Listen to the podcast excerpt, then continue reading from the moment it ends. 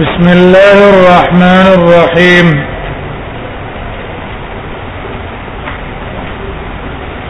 خرجت من وجهي كل خطيه نظر اليها بعينه یو معنا من کړه وا چې خروج کنایه ده د غفران نه دا قول عام علماء ده دویم قول د سیوطی صاحب دی سیوطی صاحب وايي چې دلته دا خروج په معنا حقيقي دی خروج په معنا حقيقي دی او وجدادا وېدا ګنا ګنا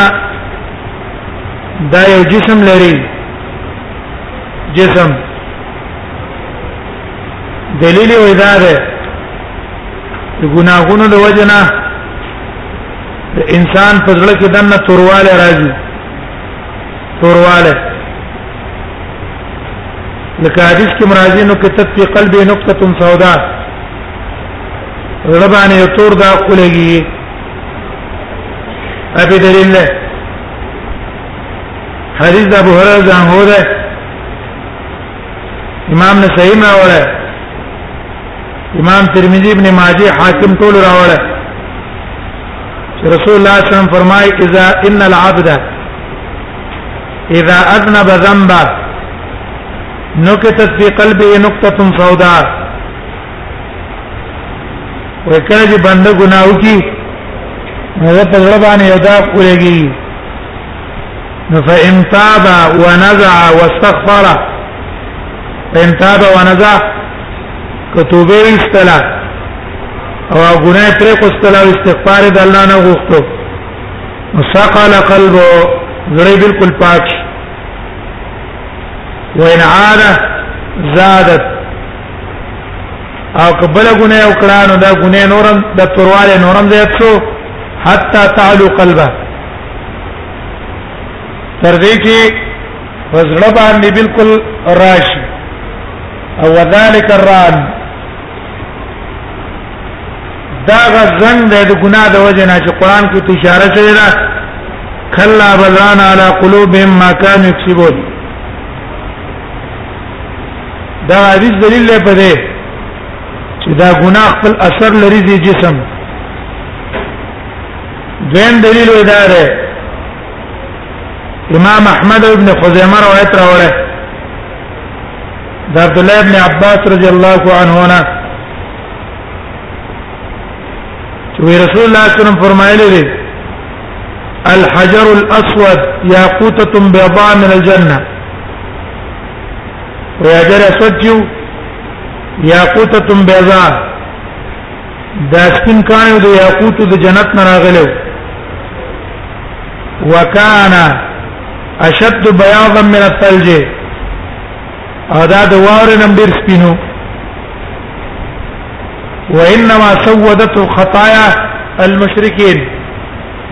او دې مشرکانو د کافرانو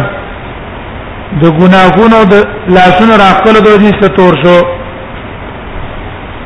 بیا سیوتی سے بوای ګوره ګناهونه په حجر اسود کې اثر کړي پکانی کې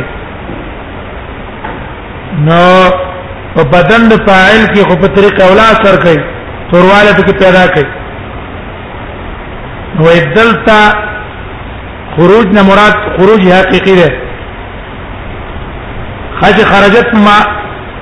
حروف خروج په معنا حقيقي شي وی بیا څه معنا ده ویا برا لګي دلته په تقدیر کو د مضاف پر او باش مضاف دسی بوایو چې خرج من وجهه اثر خطیه خرج من وجهه اثر خطيه وبوجد د بدننا اثر خطيه اثر د ګناه خرجت من وجه اثر كل خطيه اثر د هر ګناه یا قید سواد روباسه سواد الذي احدثته كل خطيئه او بوزي د د د مخنا تورواله د هرې ګنا چې دو تکتل په خپل سترګو او یات مراد په خپل دا ګنا ده ولی و عالم الامثال کې عالم الامثال کې د دې ګناهونو دا شکل له لکه مثلا د دنیا شکل د څه څور کړی شي د تورې د بوډۍ خځې سره د مرګ شکل په عالم الامثال کې د ګر سره د قیامت پر ورځ براوستل شي او د قران شکل به د سی رجل شاحب غزوان جل رنگي نیولای هغه سره امثال به کنه د نیک عمل مثال به سپین خسته سړی سره او د بد عمل به تور رنگ والا سره وي دقه في عالم الامثال كده اجسام دي دا غیر پاره مثال نه ولا روایت راوړه عبد الله ابن عمر نه کله چې سره په مانځ باندې قدرېږي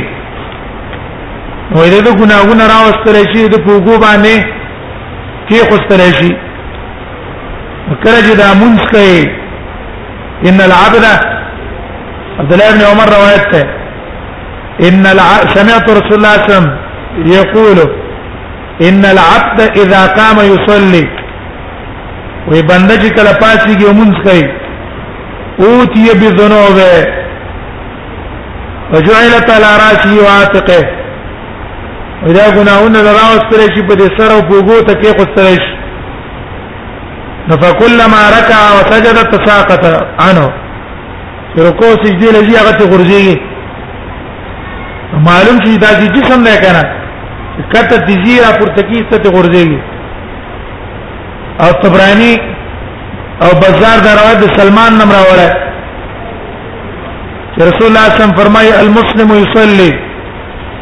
وخطاياه مرفوعه على راسه وی مسلمان منځ کوي لیکن ګناهونه د په سر باندې پراته دي کلمہ سجد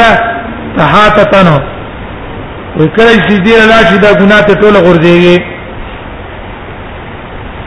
دین او دا حقیقت مراد ده په دې دوه قولونو کې راجح قول د سیوطي صاحب ده ځکه تل وسبا ظاهر په ظاهر باندې محمول وي کله چې ظاهري معنا جوړيږي او مجازي معنا تدل نه پکار نو دلته ظاهري معنا جوړيږي نو ظاهري معنا به اخلو چې هغه وتل د ګناوونو دي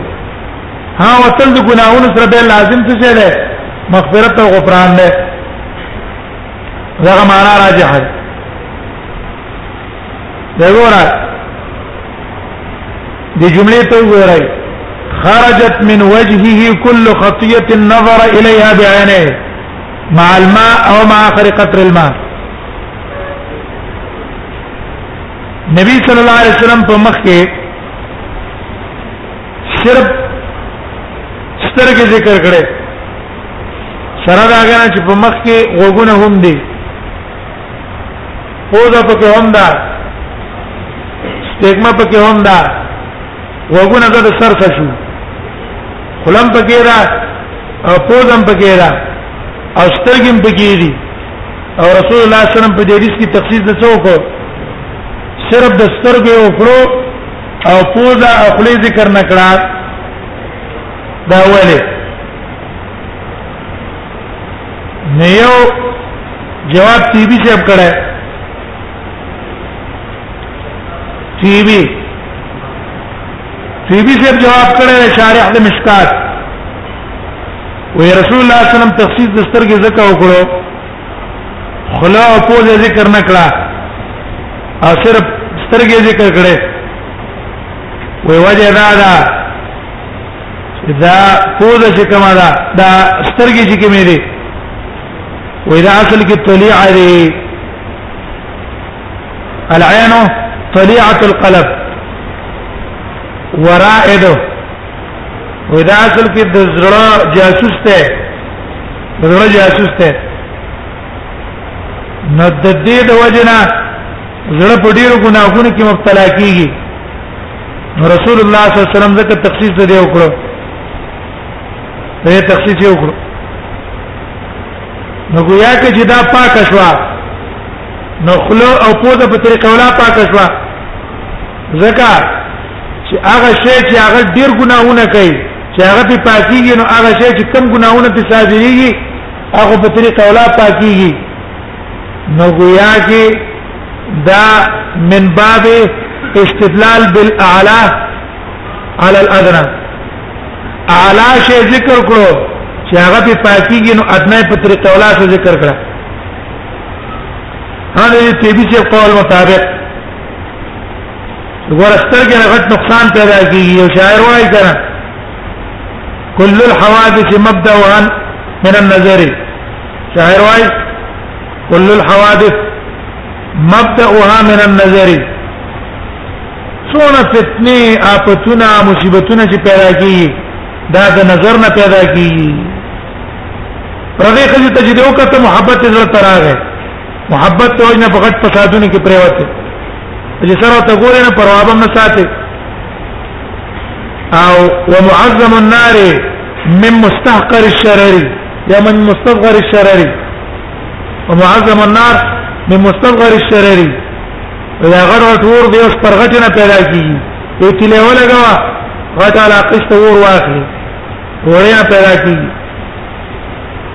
بیا وای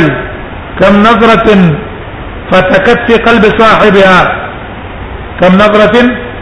فتکت فی قلب صاحبها فتكشهان بلا قوس ولا وتري كم نظره وریر کرتی او غلط نظر فتکت فی قلب صاحبها انسان په ځړ باندې د حمله کړی فتکسهامه لکه د غشي غوندې کې گزار بلا قوس ولا وتری نه پلند گزار کړی دی نه وتر راخ کړی دی او جزله ولا څه کړی دی برباد کړی بیا ورپسې وی والمرء ما دام ذا عين يقلبها في اعين الغيد والقرب والمرء ما دام ذا عين يقلبها في اعين الغيد محفوفون على خطر وکړه چې سره خپل نظر د خلو په باره کې اړې راړې پردو خود ته ګوري را ګوري دا ما همیشه په نقصان باندې یاوی یسر مقلته ما ضر مهجته وي سترګې خوشحالي زړه له ضرر ور کوي لا خیر بسرور جاء بضرري او هغه خوشحالي کې څه ضرر څه پیدا ده چې پاکه ضرر راغی اته دې سترګې خوشاله کې زړه دې څه کړو زړه دې برباد کړو نو به دې کې څه پیدا شو به تخصیص دې وجنو کو دا یو جواب سی بي صاحب کړه زم قول ابن حجر المکی کړه ابن حجر مکی وایي چې دا قول تیوی سے دا ټیک نه ده وی وجه دا ده چې څنګه سترګه کې نقصان راځي نو دغه څه په خلی کې نقصان ده سره پای کې نقصان ده بلکې وی صحیح جواب دار ده چې نبی صلی الله علیه وسلم تخصیص د سترګو زکه وکړو چې د خلی د سترګې او د غوږ داغه د پر خپل طهارت مخصوصه ده چې داغه د وجنه ګناهونه دا غیر جیږي خلی ته جوګو اچي هغه سره د ګناهونه ورځي پوزي ته د پوزي ته وګو اچول ورځي وخت دې مسکړه د مسکه ګناهونه ورځي او د سترګې مستقل طهارت نه وو بلکې دا په زمن د چا کیو په زمن د مخ کیو نو دیو جن رسول الله صلی الله علیه وسلم تخصیص په چا باندې وکړو تخصیص وکړو په سترګ باندې نو وجد تخصیص دا دا او دا من باب الاعلى على الادنى من باب الاستدلال بالاعلى على الادنى د قبيلين نه ده او دا قول ابن حجر مکی راجح ده وجد رجحان ادا ده وجد رجحان چې روایت مالک او نسائی کې د سنابحین روایت نقل لای چې هغه روایت اصل کې دی روایت تفصیل هم ده پای کې د هر اندام جدا جدا ذکر کړه پای کې دی ذات وزع العبد المؤمن فمضمض اذا توضع العبد المؤمن فمضمض وکړه چې بنده مؤمن او د سږي او مزمزه وکړه خرجت الخطايا من فيه وإذا خلينا گناهونه وزي واذا استنثر خرجت الخطايا من انفه اج پوزي ته وبو اچولي ګناونه له پوزي نه وته او واذا غسل وجهه خرجت خطايا من وجهه حتى تخرج من تحت اشفار عينيه دا حدیث نه معلوم شو دا چې چون کې د سترګو مستقل انزل نو په دې وجه په زمن د چا کې داخل کړو په زمن د مخ کې داخل کړو ځکه هغه وکړو مستقل رانه وړو كل خطيه النظر اليها بعينه هر هغه ګناه چې په سترګو ته کتلې دا د څه سوزي بعينه مال ما وما اخر قطر الماء مخکې مونږ ویلو چې محل ما او ما اخر قطر الماء دا او د پاره د شک دی راوي چې رسول الله صلی الله علیه وسلم لپس د ما استعمال کړی دی که اخر قطر الماء استعمال کړی او نه معنا چې شي مطلب یې دا دی چې دا ورنو وګوسر وځي او کما اخر قطر الماء وې د دې معنا دا ده چې اخرنه سات کې څنګه وګرځيږي دا غي سره ګناوږي او نحو هذا یا دقش الفاظ استعمال کړي وإذا غسل يديه او کله چې لاسونه وینځي خرجت من يديه كل خطيه وزيد لاسونه كل خطيه هر ګناه بطشت يداه چې په لاس باندې رانی ویلي کومه ګناه چې په لاس رانی ویلي هغه توزي بطشت دا لفظ د بطش شامل له ضرب ته و په دې لاس باندې پناه قوال کړی کتابت ته هم شامل دی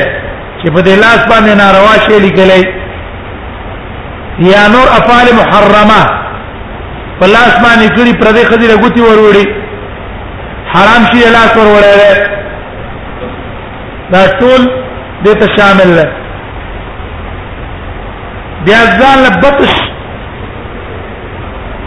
نبی صلی الله علیه وسلم ولې ذکر کو نو دا بطش دیوج نه ذکر کو چې اکثر عمل په لاس باندې د بطش کیږي نه ځکه بطش کو کني دا شامل له ضرب کتابت او نور هغه کارونه ته چې د لاس په حرامو کې پای کې استعمال شي ټول ته شامل ده دا ټول ته الله راځي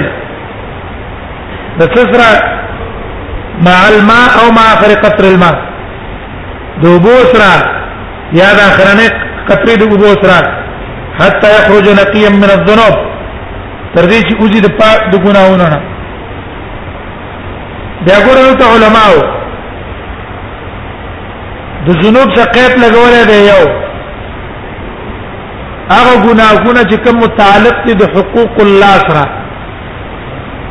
او د سره هغه حقوق مات کی چې هغه متعلق دي د حقوق الله سره او د بندگان حقوق چې چا ځای کړی هغه په دې نه مات کی رسول په چپیره باندې و په ناقه یا دې په دې خلیو ته په ناقه کنځلې وکړي یا دې په دې باندې د خلی باندې غیبت کو یا دې په دې خلی باندې بهتان او لګاو پاغه دا ټول حقوق العباد دي دا حقوق العباد او د سن مات کی ترڅو په دې بندنه دې مافي نه غوښتلې او بنده ماف کړی نه دیو جن علماء دلته قید سره لګولای دی چې یخرج نقیا من الذنوب کوم ګناونه دي چې کوم متعلق دي د حقوق الله سره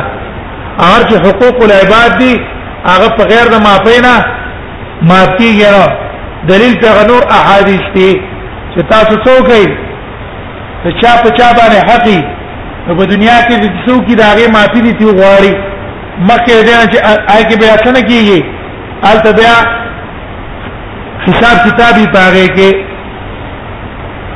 دویم ذنوب کې الذنوب آیا دا عام نه کې خاص ده عام نه او کې خاص ده نو مخکې مونږ ویلو چې عام علما متأخرین نه لګیدلې متأخرین هغه د دې سره قید لګولې ده د صغایرو حتى يخرج نقيا من الذنوب وې تر دې چې دا به پاک وګړي د ګناهونو نه دې څه قید ته څه لګولې قید د صغایرو لګولې او کبایر په اودس باندې نه مات کیږي کبایر د پاره توبه پکار ده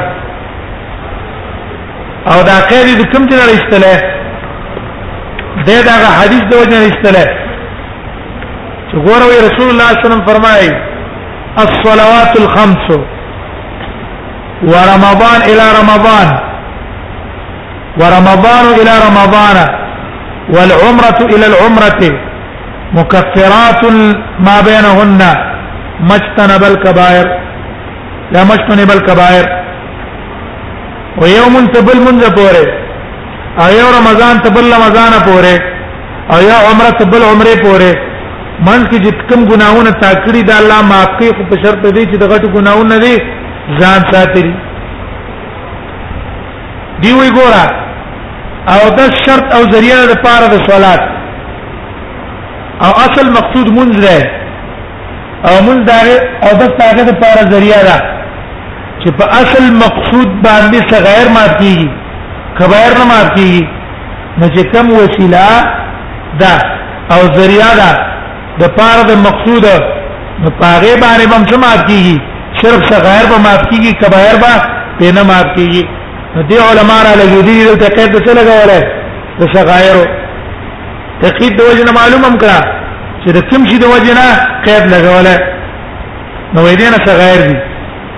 دیو جن به متأخرین علما وایي چې یو تن او دس کوي وې دا هغه د پاره دا پکار دي چې په وخت او دس کې استحضار د توبې وکي څوکي استحضار د توبې وکي په ځړ باندې توبه د کبایر نه مباشي دا د پاره چې او دس نه پاکي او بالکل پاک شوی یخرج نقیا من الذنوب د غټو ګناهونو د وړو ګناهونو دوانو نه الله پاک کی دویم طریقه د سلف ودا سلف علماء په دې کې قید ته صغائر او کبائر نه لګاو او د په اطلاق باندې کو او نبی صلی الله علیه وسلم لپاره د مطلق ذکر کړه شامل له صغائر او کبائر دوانو ته او داس باندې الله صغیر او کبایر دواړه معاف کړي او دا قول راجح ده دا قول سره راجح ده وجد رجحان دا دا وجد رجحان چې ګور رسول الله صلی الله علیه وسلم مطلق ذکر کړه په باب د او داس کې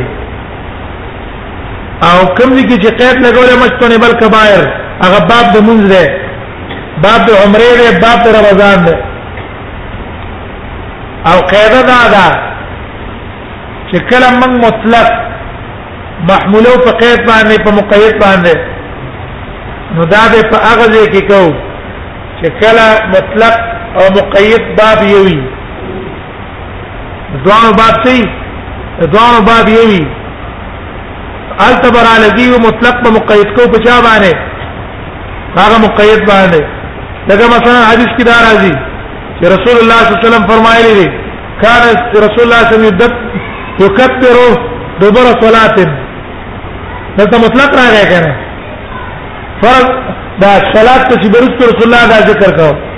او بل روایت کې سقید د مکتوبه راغله کان رسول الله صلی الله علیه وسلم یکبر دبر کل صلات مکتوبه 23 مره نو دک مطلق په مس مقید کو په چا باندې په دې قید مکتوبه زکه چې دوه باب یو دي او کله چې جدای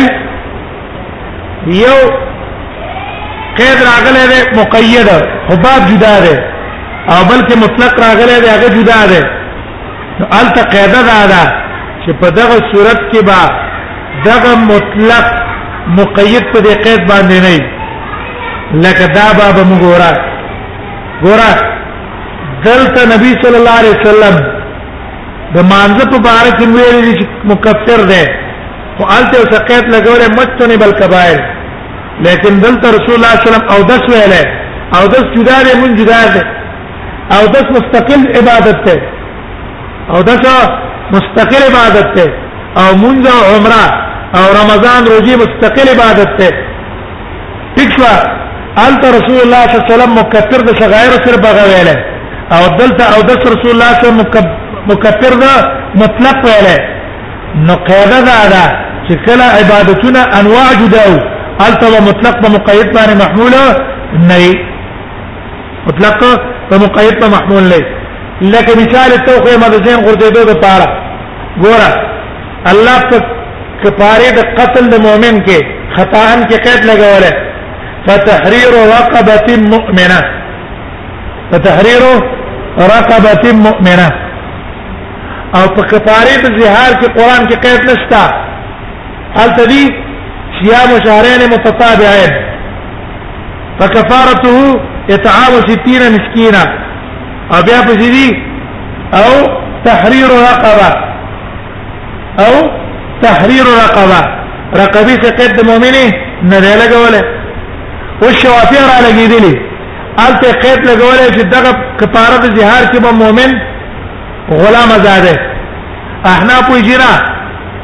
کفاره د قتل کې و مؤمن لازم ده په کفاره د جهاد کې چې هر غلام آزاد کو آزاد ابن حزم راي هم ده او دا راجح هم ده قتل خطا جدا صورت ته کفاره د جهاد جدا ده یو ځکه قران مطلق ویل بل ځکه مقید ویل او قاعده ده ده چې کله انواع د عبادت جدا مطلق په جاری کې په خپل اطلاق مقید په جاری کې په خپل تقید ٹھیک شو دلته انواع د عبادت جدا دي نو دیو جن هیڅ قید د شغیر ته ضرورت پکې نشته بلکې الله پرې او د سپانه د انسان شغیر او کبایر دواړه معاف کوي دیو جن دریم قول پکې د علما او دار دریم قول هغه وایي چې دا بنا ده په اخلاص دا بنا ده په اخلاص که یو انسان په اعلی درجه او په استحضار د اخلاص په نیت باندې او د څوکو نو دا مکفر د صغائر او کبائر دوه لپاره ده او که په اخلاص نیت او په احسان په او دس کې کمو نو بیا مکفر ده صغائر ده مدرم قول په کې چا دا کړ سید اعلی چې حتا یخرج نقیا من الظلم تر دې چې دا راوځي یخرج ما سره د او دس نه راوځي مانځه تا نقیم من الذنوب پاک د ګناهونو نه بالکل ګناهونه به پاکي او به رښتو چې کوم عبادت کوي دا عبادت به ذریعہ د پاره د د درجات بلندولو دا وغه حدیث او ما استفاد من حدیث هم ښکارا ده حدیث دا مسله معلومه شولا چې او د سبب ته د پاره د مکفر دا سبب ته لپاره ده تکفیر د ګناوونو او دا مکفر ده د ذنوب په دې باندې ګناوونه معاف کیږي او انسان په د ګناوونو اوځي قال ابو عيسى هذا حديث حسن صحيح بس امام ترمذي رحمه الله درجه دا حدیث ذکر کړي چې دا حدیث درجه څه ده وی قال ابو عيسى ابو عيسى څه وایي وجه مخکې مونږ ویل هذا حدیث حسن صحیح دا حدیث حسن صحیح ده پنځه وجه موږ ویلې چې بخارت د امام ترمذی دا حدیث هذا حدیث حسن صحیح نه سره استلام مخکې موږ ویلې نو څوک یې حسن عند الباز او صحیح عند الباز څوک یې حسن باسناد او صحیح باسناد اخر او څوک یې جنا حسن معنا دا حدیث په اعتبار د سند باندې صحیح ده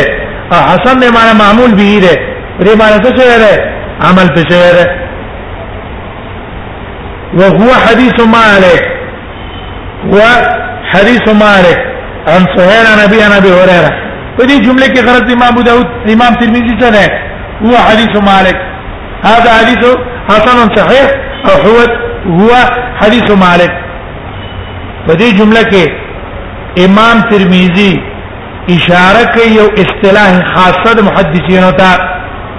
هغه دا چې کله یو سند کوم یو راوی په تفرد کړي نو راوی هغه ته اشاره کوي چې هر تفرد به فلان تفرد به فلان امام ترمذی په دې جمله کې اشاره کړې تا چې دا حدیث ماغه حدیث ته تفرد به مالک امام مالک په تفرد کړی دی ما مالک په تفرد کړه بل چا دا حدیث نه راوړل صرف امام مالک په دې طبقه کې راوړل نو دی وجه نبی هو حدیثو مالک عن سهيل عن ابي عن ابي هريره نو دې جمله کې اشاره وکړه چاته چې دا حدیث هغه حدیث ته امام مالک ته تفرد کړی دی اوس ابو هريره دا دا وضاحت کوي وای ټیک ته دا ابو صالح څوک دی انا بي ان سهيل انا بي صالح دا وی و ابي صالح وی دا ابو صالح چې دی والد سهيل دا د سهيل پلار دی ابو صالح السمعان ابو صالح السمعان سمعان تذکر موي هو ابو صالح السمعان دا ابو صالح السمعان مشدد سمعان ته ځکه وایي چې دا بایع د تیلو سمنه غوړي به راوړه کوفه ته او خرڅول به نشته په دې باندې مشهور شو صالح سمعان ته ځکه وایي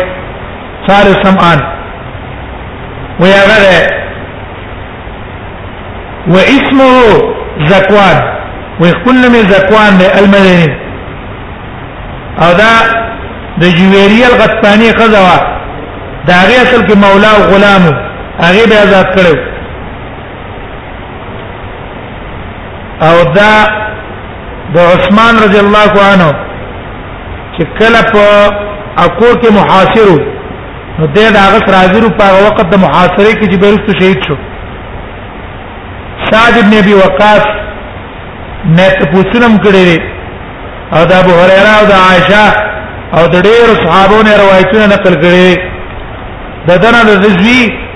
سهيل اغم ته روایت نقل کړی دی اعمش ته روایت نقل کړی دی نور علماو دیو جن امام احمد د بارک وای شقه من اجل الناس واوثقهم دا شقم ده او په ټول تابعینو کې ډېر اوچت تابعی ده او په ټول کې شقه ده دا په وفات شوه ده 101 هجری کې وابو هريره ابو صالح روایت کړی د ابو هريره نه د ابو هريره چې اختلافو په اسمه دی علماء را لګیدلې دي د ابو هريره په نوم کې اختلاف کړی دی چې د نوم څه دی ابو داود کې موږ ویل چې تقریبا 10 اقوال دي د په نوم کې او د پلار په نوم کې حافظ ابن حجر هغه به نور لس اقوال لکه کړي نور لس اقوال اې رجلم سره سو کوی نوم عبد الله ابن عمرو سو کوی نوم عبد الله عبد الشمس څوک وایي چې نن مې عبد الرحمن ابن صخر پلار نوم یې صخر څوک وایي نه عبد الرحمن ابن غنم عبد الرحمن ابن غنم بیا پر راجح کې مختلاف دی چې راجح قول کم یو دی ارجح کې اکثر رائے دا دا او ابو داود کې مونږ ویل چې امام نووي هم دله ترجیح ورکړي چې راجح دا د جنوم عبد الرحمن ابن صخر ده عبد الرحمن ابن صخر ده دیم کو د نورو نصابینو ده هغه وی جنا راجح قول نه ده چې د خپل نوم عمر ده او د پلار نوم عامر ده عمرو ابن عامر دا ده او امام حاکم نام مرقات على قول نقل کړه چې اصح شعر عندنا في اسم ابي هريره عبد الرحمن بن سخر هغه د ترجمه ورکړ و اسمن پولیس باندې راجح ده چې د دنو عبد الرحمن بن سخر ده او غلبت علی کنیته خود د کنیه مشهور شوی د ابو هريره او ابو هريره او ابو هريره فهو كمن لا اسم له ودا په شان ته دا غچاله چې سره نوم شته نه او دا ابو هريره د نوم نه انا ابو هريره ګور بیا په خیبر کې اسلام راوړل بخاری کې بتا تراشی چې په خیبر کې د او د ابن قوقل خپل منځ کې اختلاف راغی کنه ابن قوقل ویل چې موږ له په غنیمت کې خیبر کې سره راکړ ابو هريره په اعتراض وکړ ابو هريره باندې اول ابن قوقل اعتراض وکړ جنې ورکړ بیا چې ابن قوقل مطالبه وکړ ابو هريره په اعتراض وکړ اختلاف ابو هريره بخاری کې مغازی کې به تراش په خیبر کې را راغله او امام بخاری د بارک نقل کړي چې اتسو نه زیات شاګردانو دده چې هغه شاګردانو کې د ابن عباس ابن عمر جابر انس دم او ولې کنیه سو ابو هريره په دې ولې مشهور شوی دی نو روایت ترمذی نه معلومیږي چې دا کنیه ول اصل کې مور او پلاری خدار کنیه ولا مور او پلار یې روایت ترمذی نه معلومي و شاګرد ته پوښت وکړو شاګرد چې تا ته بوهره راولې وای و هغه ته ګور شرمېږي نه دا ته پوښت را نه کې وینا خیر ځکه معلومات کو وای سبب دا و چې ما ګړې بځې به تراوله ایا شپشو می ساتلې و نو د ورځې به مې راغستل او ما قام کې و مې په یوونه کې پټ کې غستل نو دې وجه ما تخپل آل کونیه کې غستل ابو هريره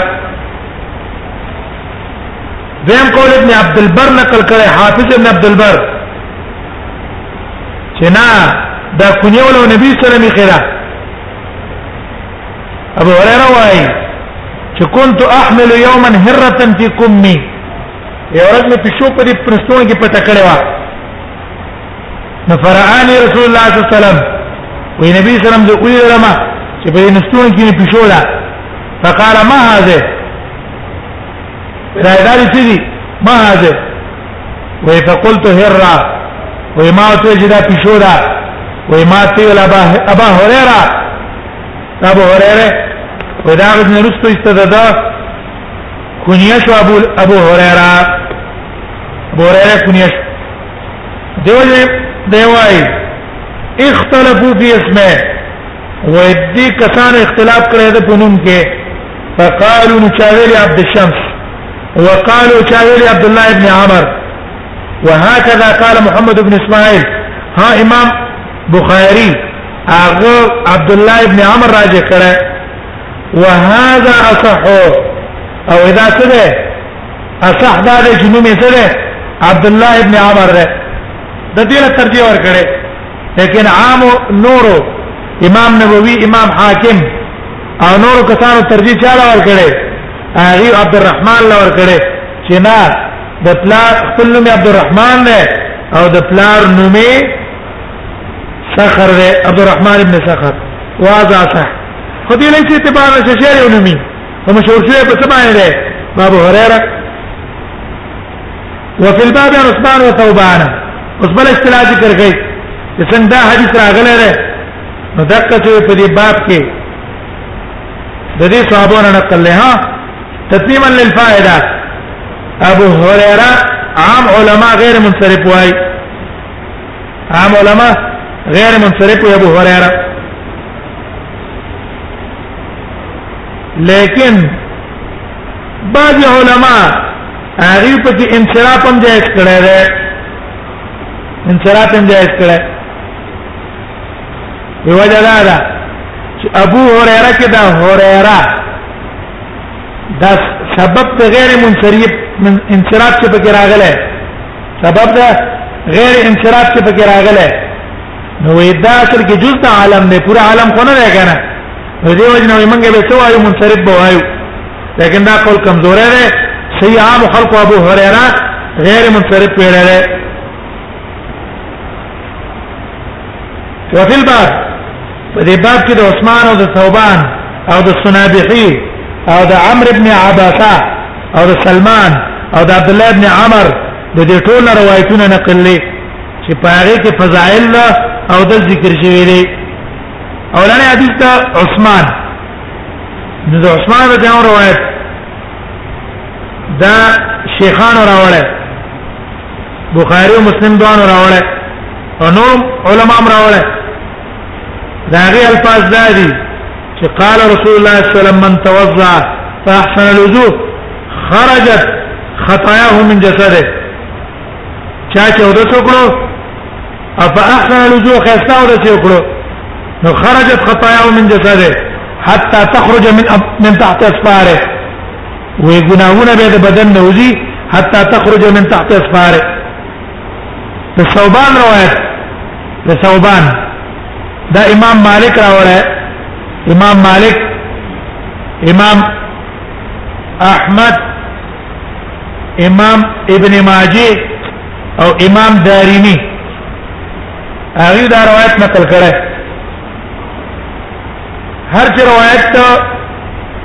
صنابحي ده صنابحي والصنابحي د صنابحي روایت امام مالک راوړی امام نسائی ابن ماجه راوړی او تفسیری الفاظ مخکې موږ نقل کړ کنه مد مدا خرجت خطاياه من فمه او اذا استنصر خرجت خطاياه په الفاظ مخکې راوړ او امام حاکم دا غي حدیث مبارک ویلي چې دا حدیث سره دا صحیح علی شرطهما ولا علت له اور چې حدیث د عمرو ابن عباسه ده عمرو ابن عباسه نو امام مسلم اگر روایت راوړل اگر راوړل حدیث سلمان سلمان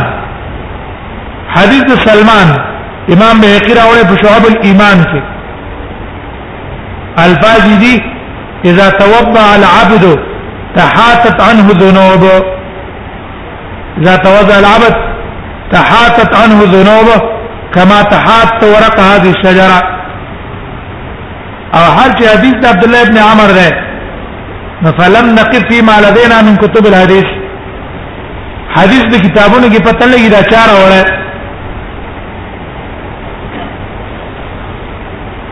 ها په دې باب کې د نور صحابونو روایتونه نقل لري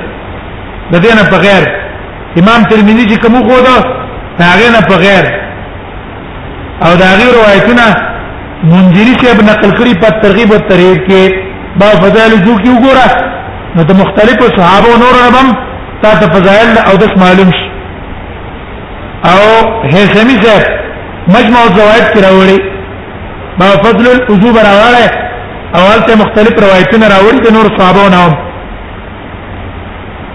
وصنا به هذا اوس دې کې مقصد د امام ترمذی څه ده امام ترمذی قرات پرې کې راځي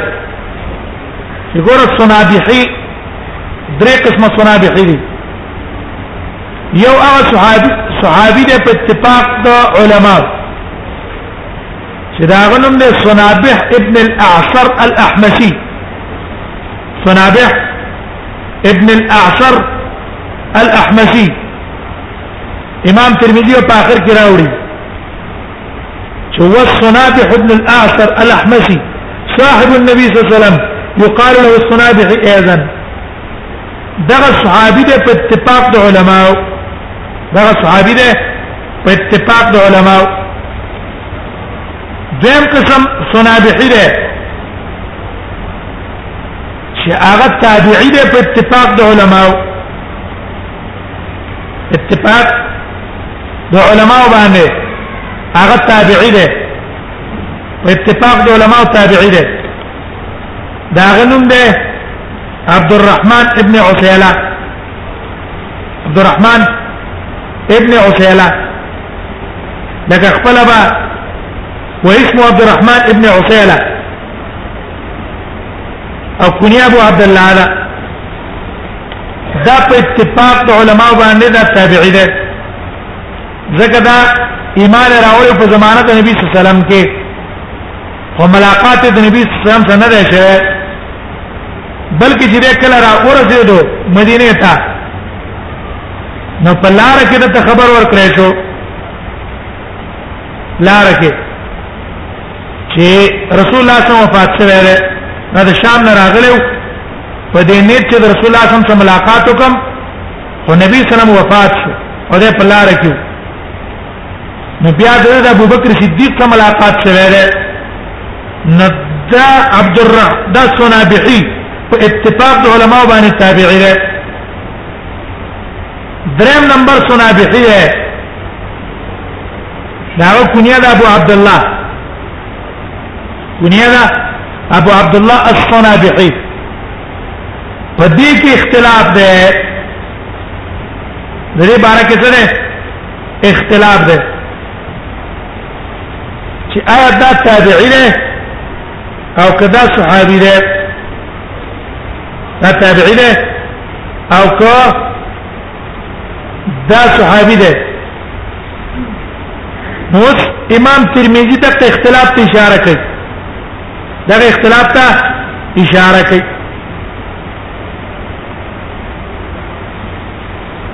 یو قول دا ده یو قول چې دا ابو عبد الله السنابحي دا صحابي ده ابو عبد الله الصنابحي دا صحابي ده او دې طرف ته حاکم اعلان کړه حاکم دانګي ابن السکن داغه ميلان هم دې ته دی چیرې دا صحابي دی يحيى بن معين هغه دله ترجیح ورکړي چې دا صحابي دی او امام ترمذی امام ترمذی دا هغه ميلان معلومیږي چې ګوره قصنا به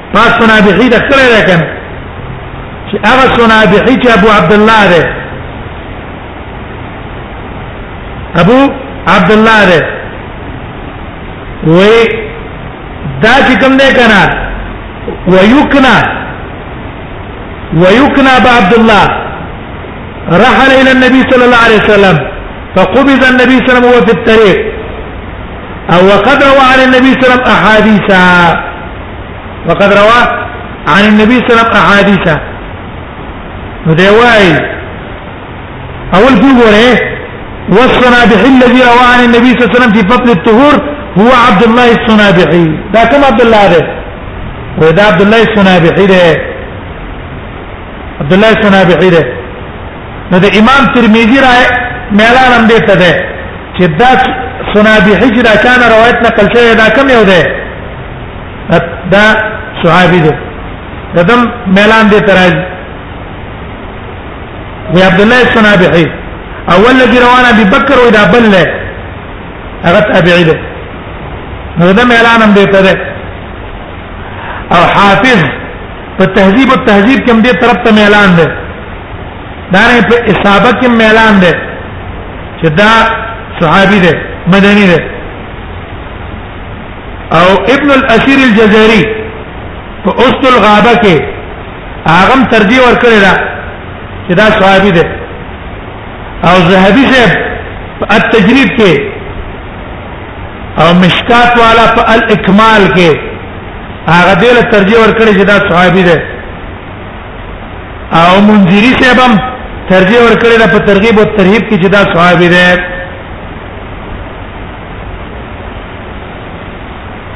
دویم قول هغه دا ده چې دا روایت چې چا نه نقل نه کړه دا روایت د سنابحی دا روایت کوم نقل نه نو دا ابو عبد الله السنابحی دا بینیږي څوک ده دا عبد الرحمن ابن عسیله ده دا عبد الرحمن ابن عسيله ده او عبد الرحمن ابن عسيله په اتفاق تابعي ده کنه ده نو ادم دا صحابي ده او دا تابعي ده او څوک چې وایي چې دا صحابي ده او دا خطا ده اصل کې کنیه و ده ابو عبد الله او نوم عبد الرحمن ابن عسيله نو دا کسان خطا شوی دي دا کنیه مستقله جوړه کړې ده ابو عبد الله سنابحي جدا جوړ کړي او عبد الرحمن ابن عسيله جدا جوړ کړي په دوه اصل کې یو شی دا تابعي ده او ابو عبد الله مستقل مستقل نشتا خبرت معنی پوهیږي یو خو صنابح ابن الاعصر ده صنابح ابن الاعصر هغه صحابي ده داغه نه جدا روایت نقل له دا روایت چې چانه نقل له دا صنابحي چې روایت د چانه کوي تکوا کم صنابحي دلته شتا په دې باب کې وفي الباب عثمان وثوبانه والصنابحي څه به شوي دغه سنابي کی خبره کوي چې دا سنابي روایت چې چانه نقل لې په دې باب کې چې چا روایت نقل کړي مخکې مونږ ته واره ورکړه کنه نسائی او مالک چې نقل کړي نو آیا دا کوم سنابي دی اوس په پیږي په خبره آیا دا دا سنابي تابعي دی او کدا سنابي صحابي دی دا تابعی ده او کدا صحابي ده نو دا علما وای چې دا تابعی ده او دا اصل کې ابو عبد الله السنابحي څوک دی ابو عبد الله عبد الرحمن ابن عسيله ده ولی په دې خو اتفاق ده چې عبد الرحمن ابن عسيله دا تابعی ده وای دا ابو عبد الله مصر کې د کونیه ده خدا خلق خطا شي دي او دا کونیه والے مستقل ذکر کړي ابو عبد الله الصنابحي ته ویل ده دا رایا د علماو ده او امام بخاری اصل کې تصریح پرې کړي چې دا څوک دی دا صحابي نه دی علي بن المديني په تصریح کړي چې دا تابعی دی کم تابعی دی عبد الرحمن بن عسيله دی او مستقل ابو عبد الله السنابحي نشتا یا صنابح الاعصر غ صحابي دی او یا عبد الرحمن بن عسيله تابعی دی دریم دریم پکې نشتا څه پیښوي دا يعقوب ابن ابي شيبان دا ویلي يعقوب ابن ابي شيبان دا قول کړه نو دا اختلاف څه شو اختلاف په دې کې راجح قول هغه ولنه قول له درې دي دو صنابح صحابه دي یو خو صنابح ابن الاعصر الاحمسي ده اخو جدا صحابي ده یو ابو عبد الله الصنابحي ده دا ابو عبد الله الصنابحي دا جدا صحابي ده او د دنم احادیث نقل له یو ته دغه حدیث ته په فضل الوضو کې چې امام مالک او امام نسائی تفصیل سره راوړل څه کړه تفصیل سره راوړل هغه روایت او خپل تصریح راغلی ده د دنه په سما چې ما اورېدلې حدیث چا راوړی امام نسائی راوړی عن قتيبة بن سعيد عن مالك عن زيد بن أسلم عن عطاء بن يسار عن عبد الله السنابحي قال سمعت رسول الله صلى الله عليه وسلم قال سمعت رسول الله صلى الله عليه وسلم دقه امام احمد هم ته سما نقل کړي دیو جنا چې په دې روایتونو کې تصریح راغله ابن حجر رحمه الله چې د امام بخاری کلام ذکر کړی چې دا ابو عبد الله السرابحي صحابي نه ده دا تابعي ده خلک خطا شوی دي ابن حجر په امام بخاری تعقب کړی دی چې کړی تعقب یې کړی او ویلي دي چې راجح دا ده چې نه دا جدا ده دا جدا ده به ویلي دي اے امام بخاری په امام مالک تعقب کړي چې ګوره دا صحابي صاحب کړي دا صحابي نه دا تابعي ده ابن حجر په امام بخاری تعقب کړي او ویلي چې د امام بخاری په دې تعقب کې نظر ده خپل ویلي چې دا ابو عبد الله صحابي دا صحابي ده